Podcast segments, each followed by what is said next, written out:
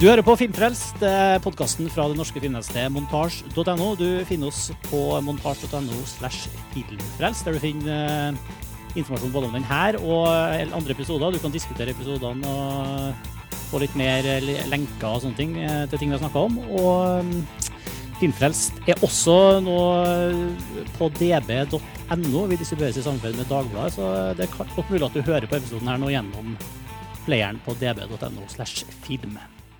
Jeg heter Martin eh, Sivertsen eh, fra, fra Montasj, og jeg er også med eh, montasjeredaktør Eirik Smidesang Slåen. Hallo, Eirik. Hallo, hallo. Filmskaper og montasjeredaktør, bør jeg kanskje si. Ja, med nok å gjøre om dagen. du er midt inne i ikke din første, men kanskje din største kortfilm så langt? Så langt største budsjettet, iallfall.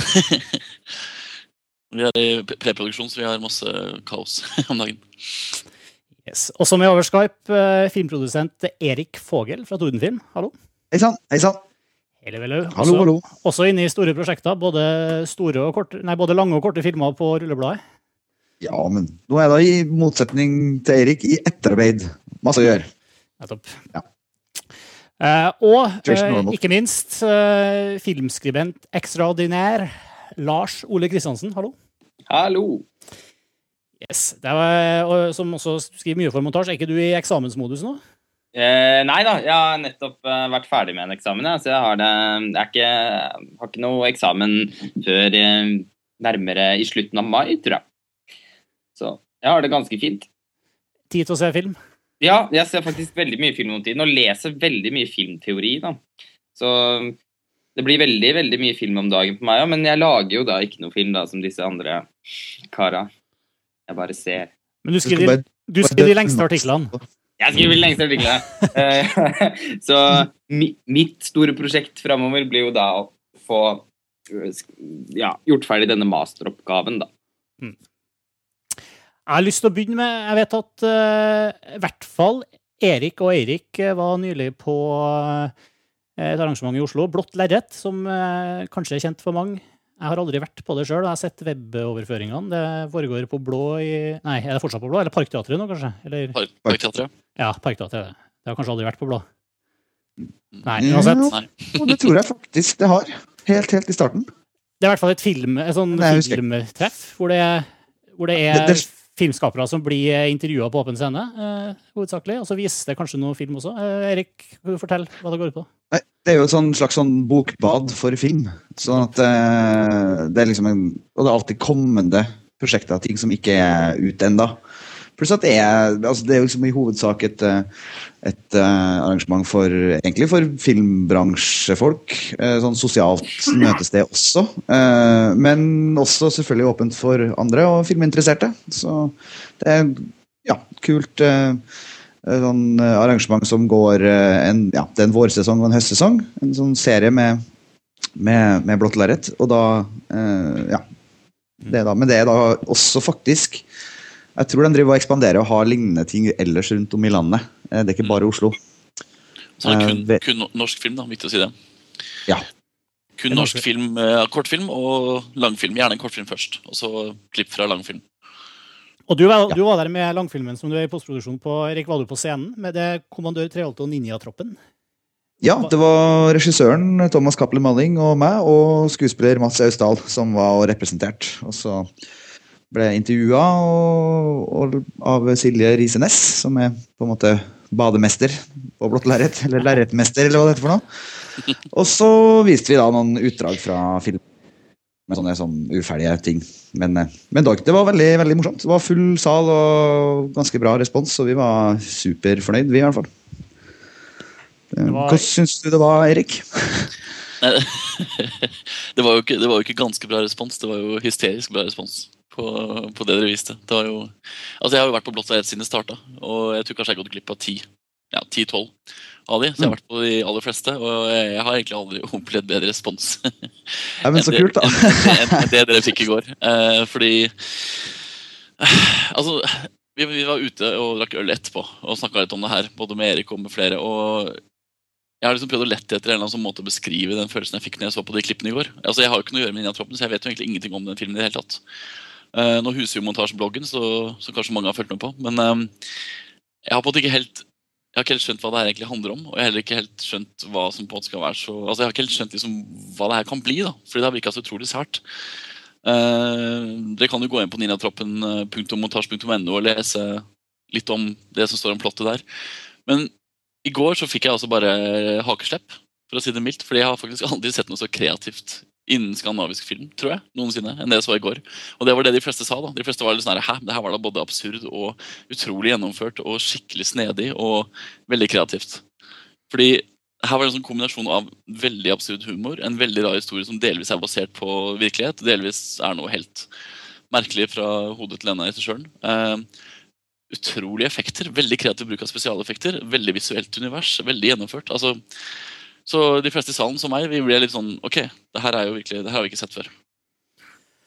Den, det var jo kult at du sier det, Erik. Det må jeg også si. Takk. uten, uten, uten, å være liksom for uh, Uten å være partisk. Nei, det, det hørtes helt, helt, fantastisk ut. Uh, du er jo produsent Thomas Cappel Malling er jo ikke bare regissør, han har jo også skrevet ja, boka si. som manus er basert på, og han har skrevet manus. Det stemmer. Uh, og, ja, så det er jo på mange måter et autørverk. Det er det faktisk i høyeste grad. Ja. Det var litt morsomt, fordi kvelden Blått lerret ble innleda av eh, eh en sånn en kort presentasjon av en ny bok om den norske filmbølgen fra 1984. Altså fra ca. Eller 85, var det kanskje. Fra, fra åh, øh, Orons belte. belte til Max Manus. Altså Gunnar Iversen og Er det Ove Solum han heter? Ja. Eh, to filmvitere som har da skrevet en, en bok om det. Eh, om den fasen. Og de snakker om det skiftet i norsk film fra å være idéfilm, som er liksom den 70-talls uh, norske filmen, hvor, hvor, plott og filmfortelling var, un, var liksom mindre viktig enn ideen og intensjonen som skulle formidles. Eh, og hvordan man har liksom i, i de årene etter, eller fra og med Orons belte, bare fikk en sånn total uh, totalt skifte på det, da, hvor liksom filmfortelling og, og, og plott uh, og sjanger og sånne ting spilte en mye, mer, mye større rolle. da. Men det er liksom det er interessant at jeg, liksom, jeg tenker litt sjøl på den Ninjatroppen som en det er også en idéfilm, hvis du skjønner. Det er en sånn miks av uh, å være en slags ekstrem form for idéfilm, men også en veldig sjanger uh, sjangerfargelagt film. Ja, det, er, det er det morsomme. fordi det er, det er lett å ha altså, Jeg hadde jo faktisk en del fordommer mot Ninja-troppen. Nå har du jo faktisk fortsatt. For jeg tenker at det her er best. Ja, det skal du ha. men altså, man, tenker at det her er jo en utrolig eh, god idé. tenker man, ikke sant? Men hvordan vil det funke i film? Og uten å ha sett noe mer enn de fire scenene som jeg så i går, da, inkludert den som ligger på bloggen, uh, så skjønte jeg at det her er jo faktisk, det er jo ikke bare en idé, det er liksom 150 ideer som er blanda sammen i en sånn veldig absurd grøt. da. Uh, men så mm. så ut til å være visuelt utrolig på kornet. da. Og da snakker jeg visuelt, altså bare altså, kostymene bare. Nå gikk det folk rundt i går da, på blått rett i ninjakostymer.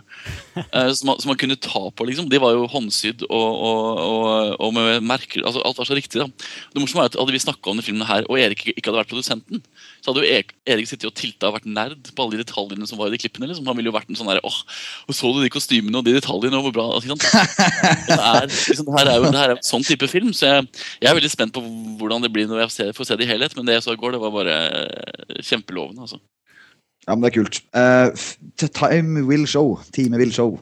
Det er jo utvilsomt et veldig eh, fargerikt og spennende prosjekt. Vi lover at vi skal komme tilbake og gjøre et dypdykk i Ninjatroppen eh, ved en senere Filmfrelseepisode. Var, det, var det andre ting på blått lerret også som det er verdt å få en ja, rapport om? Mm. Det var de første klippene fra Gass. Filmen som Erik Skjoldberg regisserer, skrevet av Kristoffer Grøndal som eh, nettopp er ferdig med opptak, som er, er jo da en skildring av eh, Nokas-ranet, eller timene før og selve ranet. Eh, og det har vært veldig mye i pressen om den produksjonen. Så, men nå, I forhold til at de hadde utsettelser og sånne ting. Eh, men nå er de i boks, og da var Erik Skjoldberg der for å snakke om, om det og vise fram noen ting. Eh, og For min del så jeg syns de klippene var veldig spennende. Jeg synes det var eh, det var veldig Det var, ja, det var vel ett første sånn bitte lite klipp som ikke sa så veldig mye, men som var rett og slett ranerne som satt og så på TV eh, i, i, på natta før de skulle i gang. Eh, og så var det noen eh, et annet klipp fra eh, når vel alarmen hadde gått, hvor vi var hos politifolka. Og så var det et tredje klipp hvor vi var vekselsvis hos politiet, og de ansatte. Eh, eller noe sånt. Erik, kan du supplere? Ja, Stemmer. Altså, det, det starta jo Altså, jeg, Nokas, Å lage film om Nokas har jo fått veldig mye oppmerksomhet. fordi det er jo ganske, vet ikke jeg, Mange har jo kalt det spekulativt faktisk, å lage film om en tragedie, som det jo er. Men uh, filmen er nå i, gang, og det blir veldig spennende å se hva det blir til. Men det som var i går altså, Det første klippet var rett og slett bare uh, tre og et halvt, fire minutter med håndholdt, altså skulderfoto. Uh, hvor denne fotografen, Jakob Ire, som er foto, følger disse to politimennene inn i en garasje, inn i en taxi, ut av taxi. altså sånn En type foto som norsk film vel aldri har forsøkt seg på, vil jeg si. Eh, som så veldig heseblesende ut og veldig gjennomført. da. Eh, veldig spennende. Det var det. Jeg følte det var, det var helt sånn umiddelbart. Superkonkret. Der var kameraet, der var skuespillerne. Du var midt oppi en situasjon. Du fikk ikke Det var ikke altså Som det også ble kommentert, da, og som Erik eh, Skjåberg snakka om, så var det jeg lurte om, så var det at det var veldig ikke-amerikansk på den måten at Uh, her, her, er på en måte uh, alle de pausene som er klippet bort i en strømlinjeform av actionfilm, de var til stede. Altså Den, der, den nølinga og den uh, det, det, frem og tilbake de, Han politimannen i den scenen du snakker om, snakker i telefonen, ingen vet helt hva som foregår. Her, det var veldig sånn Jeg synes det var ganske fiffig, rett og slett. Mm. Og det vi skjønte i går var at Filmen foregår vel like før ranet, under ranet og bare rett etterpå. på en måte, Så det er et veldig kort, presist utdrag da, fra ransforløpet, som vi får se. Fra eh, flere, fra flere vinkler, da. Fra, fra fire, fire, forskjellige vinkler, etter hva jeg skjønte. Um, det morsomme var at min, min, min eh, første umiddelbare tanke var jo det her er jo menneskenes barn Emanuel Obeski-foto. Altså, mm. fordi det her var jo faktisk altså det var jo ganske intenst. da. Det skal sies, da, det med at de tar med alt. Det var også en sekvens nummer to hvor vi fikk se at ranerne forsøker å komme seg inn i banken. Som påkalte en ganske ufrivillig latterkrampe hos veldig mange publikum. for at det, altså, disse, disse, disse, folka blir stående og prøve å knuse vinduene i, i hvert fall to minutter, tre minutter. og Det påkalte ganske mye latteranfall i publikum. Og Jeg tror kanskje ikke Erik Skjoldberg var helt forberedt på at han faktisk kanskje vil oppleve at noen vil le litt da, av filmen. At den kanskje ikke helt, Det er ikke alt som vil tas like seriøst i filmen hans. Uh, og det, jeg syns det var veldig veldig uh, Jeg synes det var en veldig rar reaksjon fra publikum der og da. Ja. Uh, altså, det, er jo liksom blodig alvor, det vi ser på, men de står jo der og kløner som sånn Olsenbanden foran det helt sikkert skuddsikre glasset de prøver å knuse for å komme inn i den, ikke banken, men tellesentralen. Tellesentralen, og, ja, og prøver liksom Først, først står de der med noe sånn slegge Kom igjen, kom igjen, står det en fyr da, denger med slenge. Og så ah, henter ramboken, så kommer ramboken. Dunk, dunk, dunk, så står han der igjen i et minutt til med den. Og så, nei, faen, og så kjenner de med noen sånne små hakker, og de står liksom og kløner lenge. Og det var, det var jo på en måte komisk, men, men, men jeg syns også det var veldig sånn tens. Veldig Ja. Men da fikk jeg faktisk veldig, mye fordommer imot prosjektet. Da ble jeg litt sånn, ok, det her kan fort bli veldig karikert og veldig teit. Men så kom det mm. siste klippet, som da viser uh, de ansattes reaksjoner på bankranet. Og da fikk jeg klump i halsen. For der var det noe som ikke hadde venta. Der var det, der var det ganske bra altså Jeg ble imponert over skuespillet på det siste klippet. Hvor vi da ser mm. reaksjoner hos en ansatt. To ansatte mm. på det som skjer. Som er filma like intenst uh, med skulderfoto. Uh, så jeg, jeg, fikk veldig gode forhåpninger til slutt. Halvveis så tenkte jeg ok, her blir det mye kjip banning og overdreven skuespill og litt for mange nærbilder av amatørskuespillere. Men så henta han seg inn på slutten, så tenker jeg ok, det her kan faktisk funke. Jeg tror det kan funke. Så mm. han, han, satte veldig tone i går, altså. Og, nå, og, det var helt... Ulvenatten? Hva? Det så bedre ut enn Ulvenatten. Jo, men altså En helt annen liga. Mye mer profesjonelt og mye mer intenst. da. Ja. Og, mye mer realistisk. uh, har dere sett den uh, TV-serien som uh, som heter Ran, som kom for en del år siden? Som var ja. vel Gunnar Vikene sin? Viken. Mm. Er ikke den også delvis Nok, Nokas Den kom i hvert fall året etterpå. men og var ja. på, på, telesentralen og hadde en Det ble snakket en del om paralleller til Det var nesten en Nokas-ranserie, men uh. Jeg tror den var godt i gang med Jeg tror den var godt Unnskyld, Erik? Som utførte Ja? Kan du si det igjen? Jeg, du ramla ut. Å oh, ja. Jeg, ja. Jeg tror Ran, den serien, ble, var godt i gang i utvikling uh, i det den derre gjengen som sto bak Nokas-ranet, kom fram i media. Så jeg tror det, jeg tror det er faktisk uavhengig at det er tilfeldig da, eh, at den serien ble veldig aktualisert. Men, at, eh, men, men, det kan jeg ikke være helt sikker på. Mm. For å på en måte av, av, avslutte blått og rett-samtalen, så Det interessante er jo at norske filmer i 2010 har jo virker jo veldig kreativt. altså Det virker veldig spennende. Og det store spennet faktisk er jo egentlig ninjatroppen til Nokas. For det er jo kan du, kan, du, kan du lage to så forskjellige filmer, liksom? Som de to filmene? Eh, Som, som begge påberoper seg å være sanne historier. ikke sant? Men altså så totalt forskjellige visuelle universer. Det ene er skikkelig realistisk, det andre er en slags um, merkelig hypertegneserie. Et eller annet som ikke er helt kan definere den etter sett så lite, men totalt forskjellige filmer. da, men Som kommer da omtrent samtidig på kino. og Det blir veldig gøy å se hvordan publikum mm, stiller opp da, og ser så to forskjellige filmer. Begge filmene kommer nå i høst, til høst, ikke sant? De skal komme, Ja. Ninjatroppen kommer jo 13. august, ikke sant? Mm. Ja.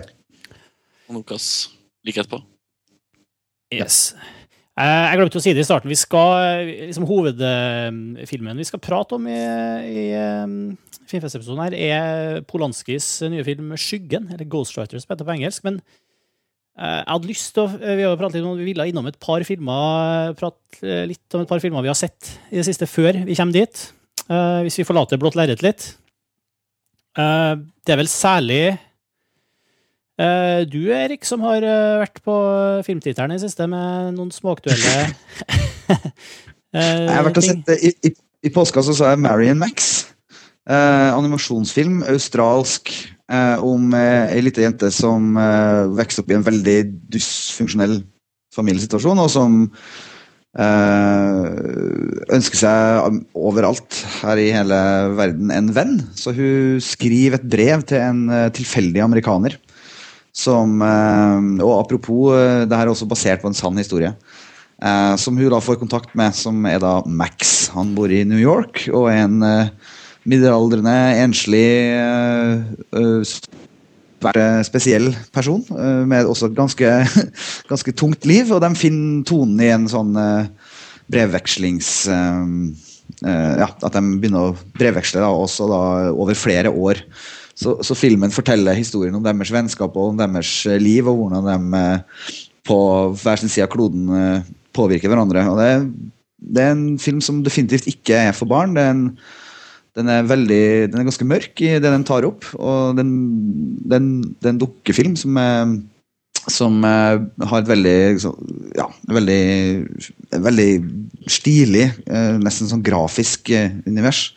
Og det er en av de filmene som når du tenker på, på den, så tenker du, husker du den som svart-hvitt, men den er ikke svart-hvitt. Eh, Det er en sånn rar, eh, rar ting med den. Nydelig og rørende. Jeg ble skikkelig snufsen altså, flere ganger gjennom den filmen. Eh, og, det, og det hørtes Jeg hadde litt sånn blanda forventninger til den. Fordi på en side har folk skrytt veldig av den. jeg tror den ble, den ble først vist under animasjonsfilmfestivalen i Annecy i fjor. Og jeg tror faktisk at vi snakka om den her på Filmfrelst i den forbindelse, når vi hadde en anesi-episode. Uh, uh, øh, øh, så vidt, i hvert fall. Uh, men så hadde jeg også hørt andre som syntes det var sånn men Hvorfor skal man lage animasjon av en sånn historie som er nesten sånn sosialrealistisk på, på mange måter? Eh, hvorfor skal man bruke animasjonsmediet til, til å fortelle en sånn historie?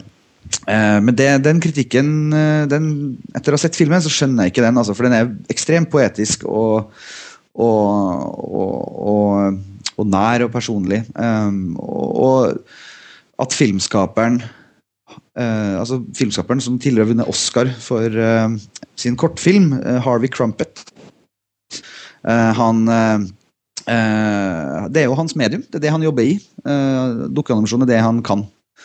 Um, og jeg syns han har gjort en fremragende jobb. Jeg sitter og ser på, Er på skjermbilder fra det her. Det vil si om farger og sånn.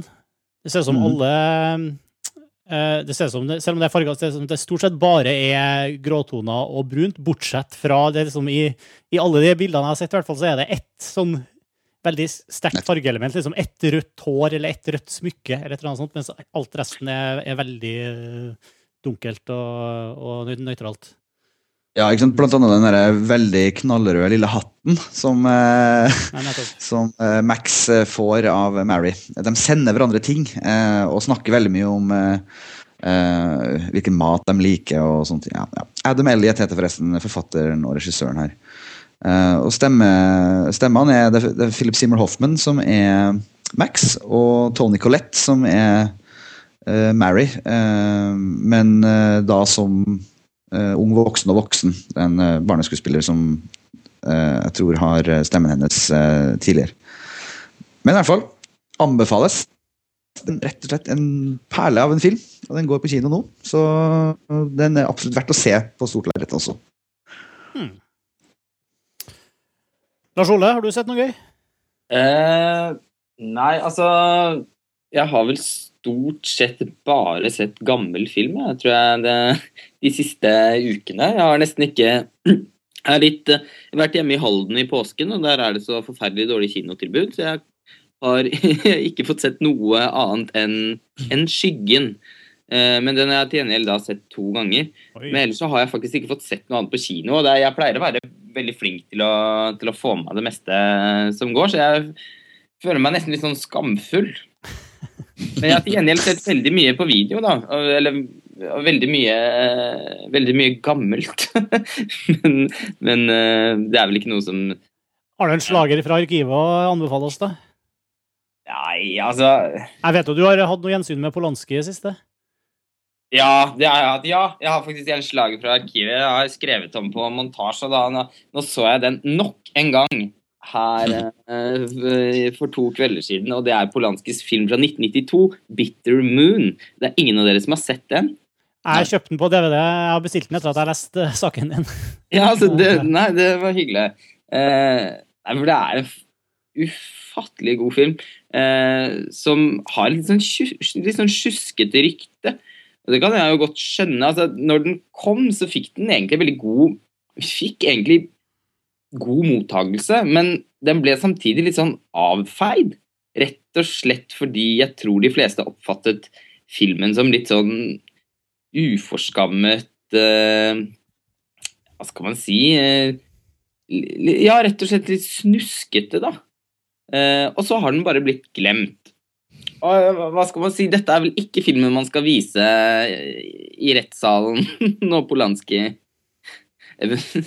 når, man skal avgjøre om Polanski skal i fengsel eller ikke.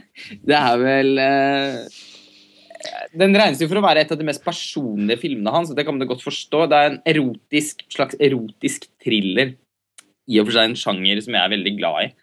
Eh, men samtidig så er det også en, et, et, komplekst relasjonsdrama da, som handler om menneskets trang til å overta andre mennesker. da. Eh, det er, jo, det er jo Peter Coyote og Emmanuel Sagner, Roman Polanskis ufattelig vakre kone, uh, som spiller de to hovedrollene. Og, er, og, de er jo da et par som på en måte spiser hverandre opp, da. Og ender med å hate hverandre, men likevel ikke klarer å, å bryte uh, den livsfarlige leken da, som de har satt i gang i et forhold som er preget av uh, ja, hva skal man si en, eksperiment, en eksperimentell holdning til en del ting. Den er forferdelig verdt å se. Jeg har sett den mange ganger. Eh, det har blitt en litt sånn litt sånn hysj-hysj-film som jeg sitter og ser på meg selv. For jeg syns, jeg syns faktisk filmen er noe av det mest genuint pirrende da, jeg noensinne har sett. Den er rett og slett eh, det er rett og slett kanskje den mest vellykkede sånn eksplisitt erotiske filmen eh, jeg, kan, jeg, jeg har sett, tror jeg. Fryktelig godt skrevet er den også. Den er veldig, altså Polanski det er jo eh, et veldig undervurdert aspekt ved Roman Polanski er jo hans begavelse som manusforfatter. Når jeg så 'Skyggen' igjen i går, ble jeg nesten helt sjokkert over hvor godt det manuset er. Og det er det også i 'Bitter Moon'. Det er fylt med masse sort uh, humor som biter veldig fra seg. Han er, uh, han, han er virkelig en, en, stor satiriker òg, på, på, et eller annet plan. Fryktelig godt skrevet, veldig veldig godt spilt, spesielt av Peter Coyote, som er en veldig sånn glemt skuespiller som er fryktelig fryktelig god. De fleste husker ham vel antakeligvis fra ET, som han litt sånn snille forskeren.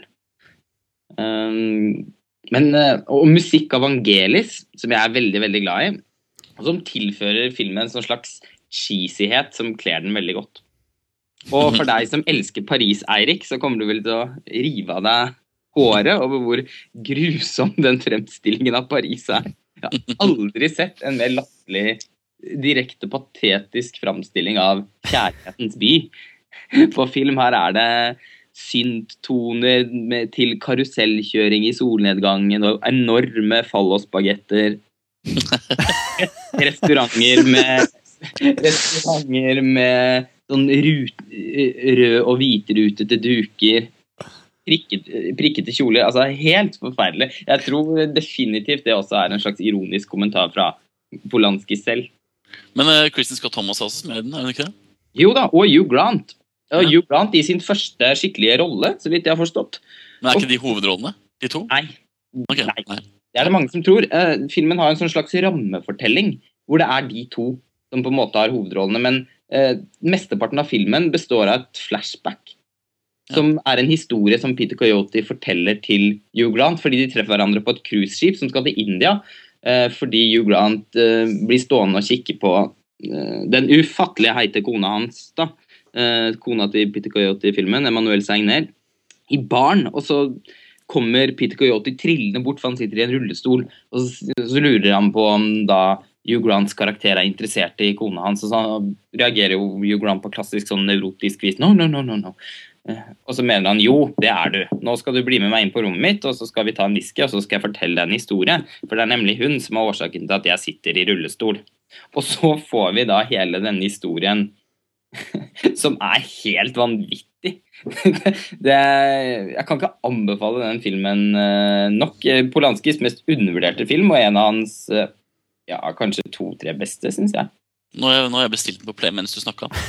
Så da, da, da, da, har, da, da, da har både du snakka lenge nok for å få, få til bestillingen og anbefale den. Triggerord- Triggerordet for Eirik var uh, fallosbagett. ja, jeg Ja, da skulle jeg skulle til å si det. Paris, fallosbagett, I'm there. Play.com. og, så, og så skal det Ja, det skal, skal også sies at den, er, den har en del interessante paralleller til Louis Buñuel. Så hvis man er interessert i hans kunstneriske prosjekt, da, som handler veldig mye om sadomasochisme og, og, og sånt, så, så er jo også Bitter Moon en, en interessant referanse å ha med seg. Og hvem er ikke interessert i det? Hvem er ikke interessert i det? Og det, og det, må bare, det, det må bare sies igjen, det høres kjempeplumpt ut, men det, er- Emmanuel Segner er faktisk så ufattelig sexy i den filmen at er, jeg har faktisk ikke Jeg har aldri sett maken. Så, så jeg advarer dere. Vi, vi, er advart. Eh, bra. Bitter Moon. Eh, vi kommer tilbake til Polanski om litt. Før det, jeg hadde lyst til å høre Jeg vet at du har vært og sett eh, Green Zone, Erik. Som er den nye filmen til Paul eh, Greengrass. Jeg er bare veldig nysgjerrig. Jeg har uh, til og med unngått å se traileren for den. Fordi du skulle se den, eller uh, så har du ikke sett den? Nei, jeg har ikke, jeg har, jeg har ikke bevisst unngått det. Jeg har bare ikke fått det med meg. Eh, jeg vet at Matt Damon har hovedrollen. Kan du fortelle litt om den filmen? Og, og hva du syntes? Eh, nei, altså det, er litt, det er det er ganske symptomatisk at ingen av dere, dere tre har sett den nye Paul Greengrass-filmen. Det sier jo ganske mye om uh, Green Zone, vil jeg påstå. Uh, fordi Paul Greengrass er jo en, etter min mening en veldig, veldig stor, stor regissør. En veldig, veldig flink regissør. Uh, men Green Zone er faktisk litt, litt eh, tam. Det er kanskje hans tammeste film noensinne. eh, for å begynne der. Det er også en film som handler om eh, ja, det er Irak og det er konflikter, og det er Matt Damon i en sånn litt sånn klassisk Matt Damon-rolle. Og det er samme tekniske teamet som på Born eh, Ultimatum. Så det er liksom veldig sånn Paul Greengrass-landskap, da. Selvfølgelig. si. Det er også Greengrass som har regissert de her Born, siste barnefilmene. Ja, de to siste. ja, Mm. er det vel. ja. Uh, men filmen, altså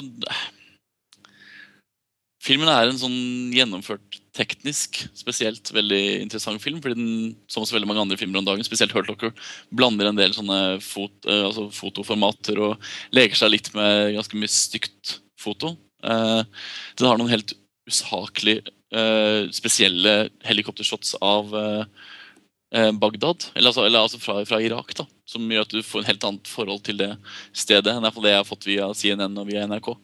Eh, men i sum så blir det her en ganske sånn, litt sånn tam og litt teit actionfilm, fordi de har på en måte valgt å lage ren actionunderholdning av en historie som i prinsippet egentlig kunne kanskje vært gjennomført og litt mer, gjort litt mer realistisk og litt mer eh, troverdig. da. Eh, så jeg vet ikke, Green Zone har blitt en sånn litt sånn ålreit gjennomført teknisk eh, actionfilm satt til et landskap som er eksotisk nok til at du ikke sovner, på en måte. Um, ja, den er verdt å se, egentlig. Men det er ikke så veldig mye å si om den, egentlig, mer enn det.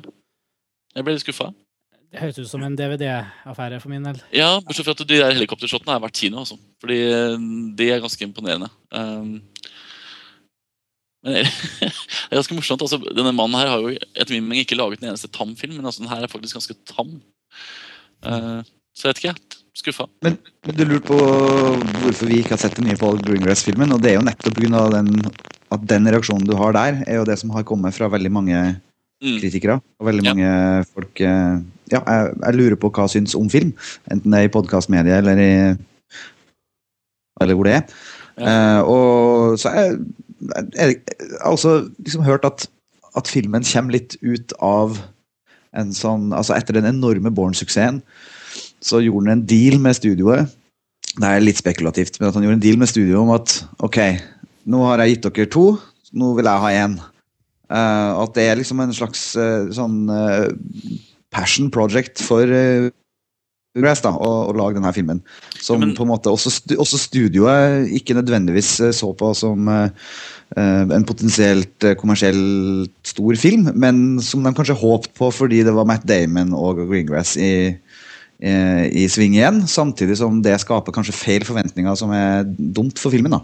Mm, og Den ble veldig solgt som en sånn type film. Altså Den ble veldig solgt som en ny Born-film. da, på En slags uavhengig, uavhengig nye, nytt samarbeid mellom de to.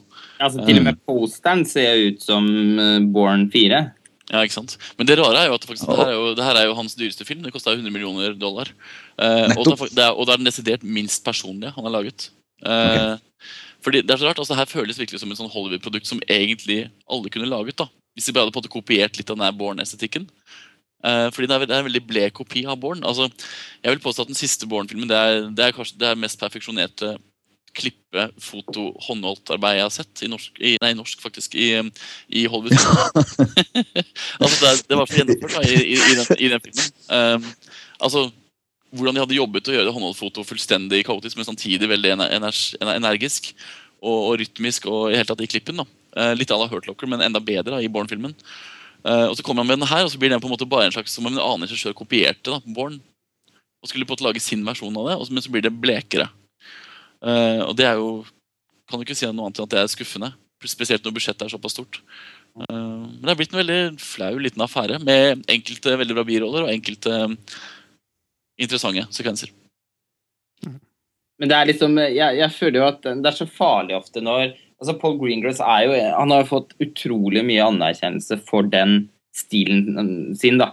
Men det som jeg også merker, da, som også er noe av grunnen til at jeg er blitt, er, ikke har vært så interessert i å se mm, Green Zone, det har ikke bare med å gjøre at den får kjipe kritikker. For ja, altså hvis jeg virkelig er interessert i en regissør, så ser jeg jo filmene uh, uansett. Da. Jeg har et veldig ja. sånn troskapsforhold til de regissørene som jeg virkelig er interessert i. Men det jeg merker med Paul Greengrass, da, er at han har på en måte en sånn stil som Jeg vet ikke. Den er, fungerer utrolig bra, men det er grenser for hvor interessant den er i lengden. da. Det mm. føles mer ut som et sånn eksperiment som kan lykkes én eller to ganger. Men når det nå blir da fjerde filmen på rad, faktisk, med mm. akkurat det samme, så, så holder det ikke, altså. Da er han ikke spennende nok. Det er, det er et ganske stort problem at han faktisk Jeg vil jo påstå at han eh, perfeksjonerte det jo i siste Born-filmen. Altså, ja, det gjorde jeg, jeg, jeg, har, jeg har på det veldig problem med å se noen som kan overgå det han altså, det, altså Jeg kan, jeg har vanskelig for å se for meg han overgå seg selv, da. Ja, I den type stil. Ja, må, han må liksom det, det, er veldig sant. Altså, det, han har perfeksjonert det. Eh, så nå må han på en måte bevege seg videre, da. Mm, nettopp. Og, og, her så gjør han på en måte egentlig bare en slags uh, Han går tilbake og gjør den første filmen. da Altså Det mest amatørmessige uh, han kunne gjort i det universet istedenfor. Ja, nei, det er, er, er, det, er det tydelig ganske sånn uh, Selv om han har sikkert fått en sånn ganske bra deal og fått litt kreativ kontroll på sluttproduktet, så er det veldig tydelig at det har vært liksom sånn, noen produsenter som har gått inn og trimma litt på slutten og tatt litt bort liksom, kantene og gjort det litt rundere. da Uh, for det er, det er, ikke Det er faktisk veldig lite politisk til å være en film som handler om, eh, om Irak i dag. Da, ja, da blir det jo i hvert fall uh, tannløst. Ja. den, er jo veldig, den er jo veldig Det jeg har fått med meg av plottet, den, den går jo rett inn i uh, hvorfor USA invadert Irak. Altså, den, jo, den, er jo midt oppi en sånn het potet politisk sett, men hvis den ikke hvis den bare går rundt grauten, Så blir Ja, det så det er nesten Ja, det minner egentlig mer litt om en slags sånn såpeversjon av det. da. Og det her er jo Mm. Brian Helgeland-manus, altså mannen som skrev LA Confidential i sin tid. Eh, halvt norske. Brian Helgeland. Eh, var NRK veldig opptatt av under Oscar-natta? Men det er jo ganske mye, han er jo faktisk halvt norsk. Det er litt morsomt. Men eh, han, har jo, altså, han er jo ikke akkurat Jeg syns ikke han er en så veldig uh, dyptpløyende mannsfatter. Det er veldig overfladiske ting han driver med, han, uh, han også. Så jeg vet ikke, hele greia er bare litt sånn, det smaker litt av en sånn derre litt lettkjøpt, da. Rett og slett. Det blir video. Video. yes. OK, skal vi angripe eh, Skyggen? Ja. Ghostwriter, som den eh, heter. Jeg, jeg har, kanskje vi skal begynne med deg, Erik, har, som ikke har sett den? Vi med meg, ja. Ja. Du kan introdusere filmen. Skal jeg introdusere filmen? Hva, hva, hva, hva, Eh, hva handler skyggen om? Hva heter Skyggen om? Ghostwriter. Nei, det handler om en, eh, en ung mann som eh, tar en jobb hvor han skal skrive eh, Altså ghostwrite en bok. Ghostwriting er jo da sånn her Når kjente profiler gir ut selv, altså, ja, selvbiografier, så er det ofte ikke dem som har skrevet det. Eh, og, og, og da en anonym eller ikke-kreditert forfatter, en ghostwriter, som egentlig har gjort jobben. Og det har vi ikke noe her norsk tror ord jeg det for. Kanskje ikke? Men her er det, er det, det er Ewan McGregor, er det? Mm. Som er den her mannen som da skal skrive en sånn biografi for en uh, tidligere britisk statsminister, stemmer det? Yes. Spilt av Pierce Ja. Brosnan. Og, og som da blir blanda opp i tull og tøys, og han oppdager at det er flere andre som har gjort prøvd å gjøre den samme jobben før han. Uh, og det er noen mysterier rundt det. Eh, og der tror jeg stopper for at jeg ikke vet noe mer, egentlig. Det er jo helt riktig. Det, filmen starter jo med at uh, den mystiske døden til den forrige ghostwriteren, som Une McGregor uh, kommer inn og overtar for. Han har uh, enten begått selvmord eller på annet vis be, Vi skjønner jo at han kanskje ikke har gjort det da, fra starten av. Så det er liksom det som setter, setter hele thrillerscenen, og du skjønner at her er det liksom en, et gåte og et mysterium, samtidig som det er den her historien som du nettopp beskrev. Mm. Og det her er en adaptasjon av en Robert Harris-roman, kan vi også si. Robert Harris som eh, da egentlig skulle gjøre, skrive manuset til Pompeii, som Polanski skulle gjøre, som dere kanskje har lest. Og sånn, Pompeii er en sånn kjempestor eh, episk historie om nettopp Pompeii. Som da denne Robert Harris gjorde ferdig manus til, og som Polanski skulle regissere, men så ble det kansellert pga. skuespillerstreiken tilbake i 2007-2008. Og da gikk da Polanski over til å lage Skyggen, også med Robert Harris som manusforfatter. Um, Er det ikke Roman Polanski som har skrevet manuset? Det trodde jeg òg. nei, det er, så, det er, det er så for samarbeid, fordi Robert Harris har jo adoptert sin egen, sin egen Ja. roman. Jeg sjekker ut uh, nå, men Polanski Jeg vet at det er det første Polanski-manuskriptet på ganske mange år. Ja, begge to står det her, faktisk. Ja. Ja. det. Men det er veldig preget av Polanski. Humoren hans. Ja, men Det er også veldig preget av eh, Robert Harris. og Det er kanskje litt av problemet med filmen. Det kan vi jo gå inn på. Uh. Ja, jeg, jeg kan jo eh, si Jeg har ikke prata så mye, jeg kan jo bare si at jeg syns Du sier at det, det, er, det er godt mulig at det er noen problemer med filmen, her, altså, men for meg så var det en av de bedre kinoopplevelsene jeg har hatt, eh, på lenge. Altså, jeg syns det var eh, Helt fra starten av syns jeg var en sånn skikkelig som, Til en thriller å være, da, så er det jo veldig sånn litt sånn retro i stilen, men jeg syns stemninga var eh, veldig tett og klaustrofobisk og eh, veldig sånn trykk hele tida.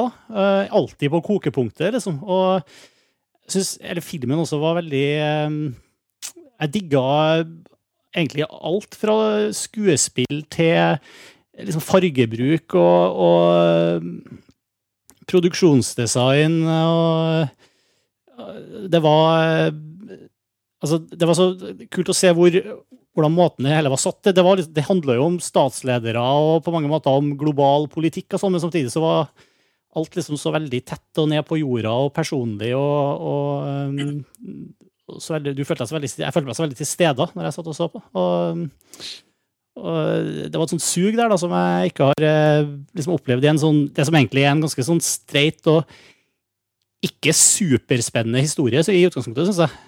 Men, Mm. eh, men jeg likte veldig godt eh, hele helhetsopplevelsen. Du, du oppsummerer det jo veldig, veldig bra, fordi altså, sånn, Jeg vet nesten ikke hva jeg skal Altså, Skyggen synes jeg Det er nesten en film som det Det blir eh, kjedelig å sitte og diskutere, fordi den er, etter min mening, og nå har jeg sett den to ganger, den er rett og slett noe så sjelden som helt, helt perfekt. Det er eh, jeg, jeg har ikke en ting eh, ja, å utsette på den filmen, tror jeg. Jeg syns den er et klassisk thrillermesterverk, faktisk. Og den beste i den sjangeren som man kanskje kan kalle for klassisk thriller, så syns jeg rett og slett at det er det beste jeg har sett på årevis. Og det er jo en sjanger hvor det dessverre lages altfor lite god film i dag. Og det er jo i utgangspunktet min favorittsjanger. Men jeg syns jo det Jeg jo, er jo alltid sultefora på eh, på nye, virkelig gode filmer innenfor den sjangeren. Og jeg syns jo også at Shutter Island tidligere i år oppfylte mye av det, men den er samtidig så barokk og så voldsom, så den er eh, Den er jo Den også stimulerer noen litt andre hva skal vi si, filmfetisjer hos meg også, da. Mens Skyggen var, var for meg en sånn et comeback for den type thriller som Alfred Hitchcock drev og lagde da. Og, og også Roman Polanski litt utover i karrieren sin. Som er en sånn, sånn dempet fortelling. Eh, luk, veldig sånn lukka fortalt. Du følger én karakter. Eh, du opplever all paranoiaen sammen med han. Eh, og det er et eller annet mysterium som skal nøstes opp. Og det nøstes opp på en måte hvor vi liksom får litt og litt informasjon om gangen. da. Eh, Så, så, så filmen kokes på en måte på lav varme hele tiden, før det begynner å brenne litt til slutt. Eh, og det gjør at eh, filmen nesten får en sånn helt forheksende stemning. da. Jeg ble fullstendig sugd opp av den filmen her begge de to gangene jeg så den.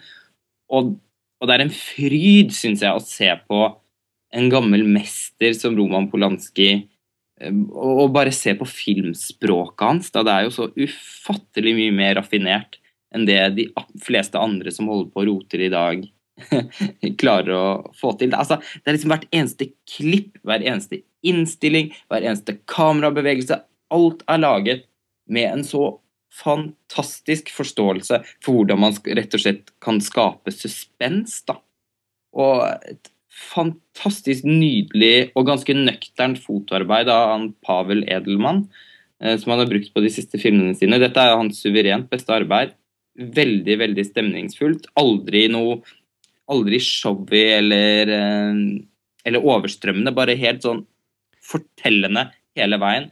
Et ubegripelig godt soundtrack av Alexandre Desplat, som jeg ikke kan skjønne at ikke vinner Oscar til neste år. En sånn slags hysterisk blanding av Bernard Herman og Jerry Goldsmith. Veldig lekent, ganske morsomt, og samtidig eh, un veldig underbyggende for den paranoide stemningen i filmen.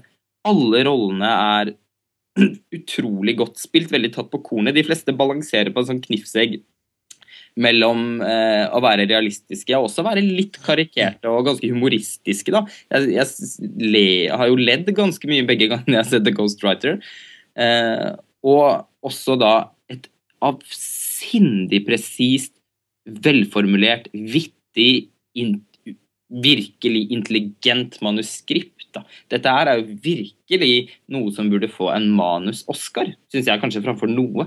Fordi eh, jeg, jeg synes, jeg, jeg, Når jeg så den for andre gang i går, hvor jeg på en måte kunne frigjøre meg litt mer fra å vite løsningen på mysteriet, så kunne jeg bare sitte og nyte eh, hver eneste replikk omtrent i den filmen her. Jeg, eh, ja, nei, jeg, jeg har jo skrevet om den på montasje, og jeg skal, kan jo ikke legge skjul på at dette sannsynligvis, etter alle solemerker, er årets film for min del. Wow. Det er et spørsmål, Lars Ole. Um, er det sånn at man bør ha med seg kunnskap om eh, det du snakker om her som den klassiske thrillersjangeren, altså med Hitchcock og, og, ti, og andre tidligere polanske filmer? Så er det et eller annet med å, at konteksten at det er en polanske film også, og at han jobber med den, eh, den sjangeren her, som gir mye av den verdien? Eller er det, er det, er det feil? For jeg har sett litt Ja. blanda. Ja, nei, jeg, jeg vil jo si at, jeg vil jo si at uh, man, det overhodet ikke er en nødvendighet for å kunne nyte, uh, nyte filmen. Men uh, det er jo klart at det vil jo selvfølgelig gi en slags merverdi, da. Men det er, jo- det er jo ikke, ikke nødvendig i det hele tatt. For å, Altså, jeg er ikke noe Polanski-nerd, og jeg er jo den typen som ikke syns det er så fryktelig gøy å se eh, Hitchcock-filmer om om igjen. Og jeg fikk veldig mye ut av den filmen her, da. Mm, ok. Så jeg følte, jeg, det tror jeg ikke i det hele tatt. Altså. Nei, nei, altså Det er på ingen, på ingen måte nødvendig. Du, du, du trenger ingen kontekst, egentlig. i- Nei, nei. Og man ikke, må ikke vite noe om noen sånn politiske ting heller. Det var jeg veldig lykkelig for, ettersom jeg kan så lite om det. Men uh, litt av grunnen til at jeg stiller spørsmålet også, er fordi at i Berlin, for den hadde vel sin verdenspremiere i Berlinalen i år, Mm. så, så var det noen som eh, En eller annen kritiker som jeg ikke husker, sa Ville vi ha hatt så mye oppstyr rundt denne filmen her hvis det ikke var en Polanski-film? Og Det synes jeg var eh, interessant, i forhold til hvilket blikk er det vi går inn i kinosalen med når vi skal se, eh, se film. Og her var jo også Polanski, Polanski eh, har jo vært veldig mye framme i media av helt andre grunner i det siste. Og så skulle vi se denne filmen eh, altså, Skjønner du hvor jeg vil? At den har Men det tror jeg er helt riktig. Jo, men samtidig så syns jeg er litt sånn stusslig sagt òg, da. Fordi altså, det gjelder vel omtrent alle filmer. Ville Eyes Wide Shut fått like mye oppmerksomhet om det ikke var Stanley Kubricks siste film? Nei. Men det er jo likevel en helt fantastisk film. men det skal sies, da. Viktig å ha med her. Altså, Skyggen er jo ingen publikumssuksess noe sted i verden om dagen. Nei, Den har, den er har, den, har fått, den har fått veldig mye presseoppmerksomhet og hype rundt Roman Polanski og rettssak og fengsling og alt hva, hva som helst. Men den filmen gjør det ikke bra. Den gjør det ikke bra i USA, den gjør det ikke bra i Norge, den gjør det ikke bra i Europa. Så selv om omtalen har, vært massiv, så har, det ikke, har ikke publikum fulgt opp og sett filmen. Så det er, liksom, det er ikke helt riktig det han har sagt. Eller, altså, et, etterdønningen av Berlinalen ble ikke at folk gikk og så Skyggen. Og det er jo ikke så veldig overraskende, for det er jo, det er jo ikke en veldig på ingen måte verken utad eller eh, skulle du si innad. Det er jo ikke en spektakulær film. Den er, den er altså- kanskje spektakulær god, men den, er, den, har jo ikke, den har jo ikke noen store knagger. Nei, nei, jeg, vil, jeg, vil jo på måte, jeg tenkte jeg skulle prøve å finne en eller annen vinkling for å si hva jeg mente om den etter det arsenalet av adjektiver fra deg og Lars Ole. Fordi dere syns den var veldig veldig bra, begge to. Eh, og jeg, for å si liksom min vinkling på saken, jeg, jeg er også en sånn thrillerelsker. Altså, det er ingenting jeg liker mer enn en god thriller. Og gode thrillere er det veldig veldig få av, som, som, som jeg har sagt. da. Eh, men når jeg satte meg ned og så på Skyggen på kino, så merka jeg at liksom, etter to minutter så fikk jeg den følelsen av at shit, det her kommer faktisk til å være en komplett thriller. Altså, her, her kommer jeg til å få alt det jeg ønsker meg da, av en thriller. ikke sant? Eh, og så angrer jeg på at jeg ikke så den, for jeg ville helst se den i morgen istedenfor. For da kunne jeg liksom glede meg over den og vente på den en dag til. ikke sant? Men så, så jeg, jeg satt og tenkte hele veien under filmen at det her er liksom den ene thrilleren, den virkelig gode thrilleren jeg kanskje får se de kommende to årene. Så jeg tenkte. Og så angrer jeg på at jeg så den akkurat da, og ikke en eller annen annen dag. Så jeg hadde på noe å se fram til. da. Uh, fordi det er liksom Det, det, det rasjonale må du jo, men, og det, men det er også en veldig sånn typisk tanke som jeg har fått når jeg ser en film som er så fullendt, som jeg vil påstå at Skyggen er, som, som Lars Ole sa. Så blir jeg litt sånn der Å nei, uff, ja, men jeg må ikke se den nå. Jeg må, ikke, jeg må liksom ikke spoile den der første opplevelsen av å se den. Jeg må vente litt. ikke sant? Ja. Og, og det, er, det er veldig morsomt, for det, det har jeg veldig sjelden med, med, med film. ikke sant? Men jeg tror både, både Lars Ole og jeg snakka om den sånn at den er, veldig sånn, det er som en konfekteske med masse mørk sjokolade. fordi den er ikke for alle. Den er, ganske, den er ikke smal, men den er ganske sånn den er ganske langsom og den er ganske, jeg vil påstå, den er ganske subtil. da. Den har ingen actionsekvenser annet enn en litt sånn ja, en slags biljakt som er litt actionorientert. Uh, men det er en sånn film som du setter, så koser du deg veldig. altså Du virkelig du storkoser deg i kinosalen. da. Uh, og det er en sånn film som kino er laget for. altså Det her er ingen DVD-film. Så jeg vet ikke, jeg syns, uh, Skyggen var, eh, var eh, eksepsjonelt bra. Eh, og de jeg så den sammen med, de var like engasjert. Eh, Jeg så den på, på Ringen 5 i Oslo, hvor det er ca. 70 seter. Og nesten bare voksen publikum. Og det var en sånn merkelig sånn lun, sånn fnisete, sånn hyggelig stemning i salen. Eh, alle satt ut rulleteksten, faktisk. Eh, mye pga. musikken til Despla, som vi har snakket om. Eh, jeg vet ikke, En sånn veldig komplett filmopplevelse da, fra Polanski. Og det var utrolig deilig og befriende å se. Jeg hadde akkurat samme opplevelse som deg når jeg så den uh, i går på Lillehammer, på kinoen på Lillehammer òg. Veldig sånn mange voksne publikummere. Veldig sånn lun og god stemning. Det virket som alle koste seg veldig, da. Og de aller fleste satt ut rulleteksten, og det er jo veldig sjelden. Jeg så den i den største salen i Trondheim. uh, og det var kanskje 20 mennesker i salen. Ja, For den er jo ingen publikumssuksess. Nei. Men hva er grunnen til det? Altså, den, hvis man bare ser det i Norge, da. Den har jo fått fremragende bra kritikker. Den har bare fått fem og seks. Mm. Nei, hvorfor det? Jeg vet ikke, altså, en, en ting er jo altså, Pierce Brosnan og altså, disse hovedrollene. da. Ingen, ingen av de er jo publikumsmagneter. Det er det første. Ja, men jeg tenker på liksom voksenpublikummet som ikke bryr seg så veldig om stjerner. Jeg tenker sånn Foreldrene mine og sånn, da, de hadde, ville jo gått og sett den hvis den gikk eh, på kino i hallen. da. Men eh, er ikke dette en sånn typisk sånn voksenfilm? tenker jeg, Sånn 40 pluss. Jo, men når, når, når så du sist en bra film hvor en av disse rollene hadde en hovedrolle? En av disse, disse skuespillerne hadde en bra hovedrolle? Det er en stund siden. Ja, og Forsøket da på å da kalle filmen for Polanskets skyggen, da, på til og med store bokstaver for å gjøre det enda mer svulstig og pompøst i norsk eh, kontekst, er liksom å prøve å si til publikum at nå skal du gå og se en film som er laget av en mann som heter Polanski. Du har ikke hørt om han fordi du er egentlig stokk dum, men du burde gå og se den fordi vi tør å skrive Polanskets skyggen foran. Altså bør du gå og se den. Men det har ikke fungert da, i det hele tatt. Og så er det med James Bond og Obi-Wan Kenobi. Ja, nettopp. Og det er liksom altså, det, det store, store, store fortrinnet i skyggen er jo ikke casten. Det er egentlig regissøren, på en måte. Men Roman Polanski er ingen kjendisregissør i det- den forstand som f.eks. For Paul Greengrass er, etter min mening. da. Han er det kanskje i Frankrike. Jeg tror folk flest vet bedre hvem Roman Polanski Jo, men da vet de vel egentlig kanskje mest om sexskandalen og, og Ja, ja. ubehageligheter. De vet ikke så mye om regissøren Roman Polanski. Nei, det er klart. Og jeg tror veldig få husker at dette er mannen som lagde Chinatown. For eksempel. jeg tror ikke folk forbinder han med konkrete filmer. da. Eh, og da har man jo et distribusjonsproblem, egentlig, når man ikke har, liksom ikke har særlig interessante skuespillere eller en regissør som er kjent for folk flest. Men hva med liksom, jeg bare tenker på hva med Pianisten? Det var en ufattelig populær film hos absolutt alle, spesielt voksengenerasjonen også. Det er en sånn film som blir snakket om som åh, den er fin. Altså, Det er liksom igjen da, den der watercolor-effekten med liksom uh, annen verdenskrig-tematikken, altså nazismen, alle de korrekte temaene. da. ja, Uh, og 'Skyggen' er jo en veldig ukorrekt film på alle måter. Og den handler om britisk politikk, som kanskje er det kjedeligste man kan uh, oppleve som publikummer, med Pierce Brosnan liksom, i, som, uh, som, som politiker. Nei, men det kan ikke bli særlig mer potensielt kjedelig, spør du meg. da.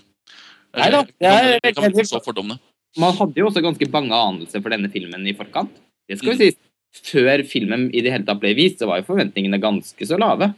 Ja, veldig. Absolutt. Uh, den så jo Nei, altså det, man, jeg husker jeg var kjempeskeptisk selv, ja, men så hadde jeg den derre Og jeg er i den særstilling at jeg har vel nesten aldri mislikt en polanske film. Jeg syns jo til og med The Ninth Gate er bra.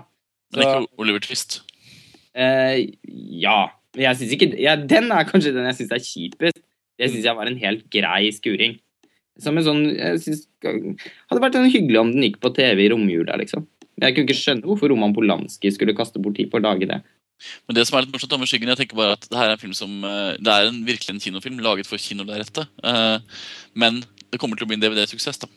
Tror jeg. Altså Det her kommer Det til å være en sånn film som folk plukker med seg. Fordi Når du ser på coveret på kinoplakaten, så tenker du egentlig at det her, det her kunne egentlig i prinsippet vært Born, faktisk. Altså Den plakaten sier ikke eh, at det er en sofistikert thriller av en eh, stor stor regissør som har vunnet nesten flere priser enn veldig mange Altså Han har jo vunnet alt som er å vinne av priser på alle mulige festivaler etter hvert. Ja, Er det ikke han som har vunnet alle, på alle de Jo, store han har, jeg så en liste her i stad som vi kan gå etterpå, som var helt uh, avsindig. Men liksom, jeg tror det her, det her kommer til å bli en DVD-suksess da, i hele verden, men det ble ingen kinosuksess.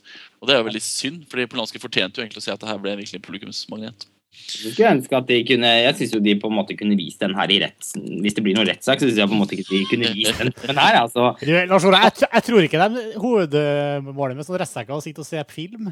Nei. Jo, Nei, men altså, Da kunne alle bare vært enige om at dette er så forbanna bra at han må bare slippe fri med én gang og lage film. Et par... Nei, nå skal jeg ikke si det. Men uh, la oss gå og se litt på filmen eh, sånn enkeltvis. da. Gå og se på litt sånn disipliner i filmen. Uh, Ja, du, du sa jo at det var en del problemer med en Ten- det- Tenkte du da på det mer rammemessige? Som du Nei, altså, Jeg har jo lest alle disse Robert Harris-romanene. opp gjennom- Det er sånn jeg pleier å lese på hytta. De pleier å ligge på paperback på hytta. liksom. Uh, og han er jo en forfatter som skriver veldig sånn, etter min mening da, veldig flate historier som er veldig sånn et jevnt, ganske greit driv handlingsmessig, på en måte, men uten sånne store høyder. da. Eh, og et slags crescendo. Og problemet til Skyggen da, kunne vært at filmen på en måte nettopp hadde blitt bare veldig flat og veldig litt sånn kjedelig. da. Altså sånn Innholdsmessig ganske sånn tam. Men det som gjør at det fungerer, er nettopp at som Lars Ole begynte å si, var at eh, Roman Polanski har jo deltatt i manusarbeid, så han har jo fått inn en veldig sånn sofistikert stil som gjør at alt det som i Robert Harris' manus ofte kan bli litt sånn grei skuring, her blir istedenfor veldig elegant og snedig. da. Eh, og det tror jeg faktisk det er nok Polanski sin fortjeneste, ikke Harris i manus. Det, det må det være. altså Ut ifra en ren sånn der autørkunnskap, holdt jeg på å si, så er jo det i hvert fall noe jeg veldig forbinder med mange av de andre manusa til Roman Polanski, da, enten det er snakk om Rosemary's Baby eller Chinatown eller Bitter Moon, så er det jo alltid en veldig sånn bisk, svart humor der. Ja, også en veldig sofistikert eleganse som er litt sånn når du på en måte, Det som er kanskje litt flatt, da. For han lager jo faktisk litt flate filmer handlingsmessig. Ja, Eh, det, nesten, nesten alltid. Ja, Men så er det samtidig veldig elegant, og så blir du litt sånn som jeg pleier å si alltid på Filmfest, men du blir litt eh, hypnotisert da, av handlingen. Fordi det er, liksom, det er så jevnt driv hele veien at du bare du blir liksom fanget med. da. Og du Mm. lever deg veldig inn i handlingen, og det, det har jeg aldri gjort med en Robert Harris roman. Men jeg har også nå gjort det da med en Robert Harris manusfilm. ikke sant? Og det tror jeg er på sin fortjeneste. Um, Ja, det tror jeg også. Og, og, men jeg syns det er veldig, pres, eh, veldig god bemerkning det du sier med at eh, de fleste av fortellingene på, til Polanski ofte er ganske flate. Mm. For det er helt sant. Eh, altså ikke, ikke de første, Kanskje ikke de første filmene hans. Han begynte jo i et litt annet landskap enn en der han har beveget seg de siste eh, ti årene. Han begynte jo som en horrorregissør mm, og hvor han har et mye mer surrealistisk bildespråk. Og på en måte er mer eh, stemningsbasert enn fortellende. Og den stemningen har han alltid eh, hatt med seg, men det er jo på en måte fra mer Chinatown at han eh, går inn i et litt nytt spor. da. Og så roter han seg veldig bort på, på slutten av 70- og begynnelsen av 80-tallet pga. alle de jævlige tingene som skjer i livet hans. Men når han hentet seg inn igjen da, og fikk flytte til Paris, så laget han jo en, en thriller som heter 'Frantic', med Harrison Ford og Emanuel Seigner. Har dere sett den? Ja, ja, det er sett. Ja. Det, Jeg syns det er en veldig god film. Eh, i, altså ikke noe, sånn, ikke noe mesterverk av Polanski, men eh, en film som på mange måter oppsummerer eh, en del av de helt sånn grunnleggende kvalitetene hans. da. Fordi 'Frantic' er jo virkelig en ganske flat historie.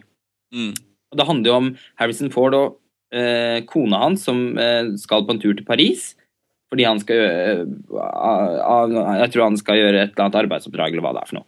Og så plutselig så bare forsvinner hun. Typisk Hitchcock-plott. Og så må jo Harrison Ford da rett og slett, eh, fordi politiet neglisjerer på en måte etterforskningen, så, så må jo da eh, Harrison Ford rett og slett gå rundt i Paris og prøve å finne henne selv.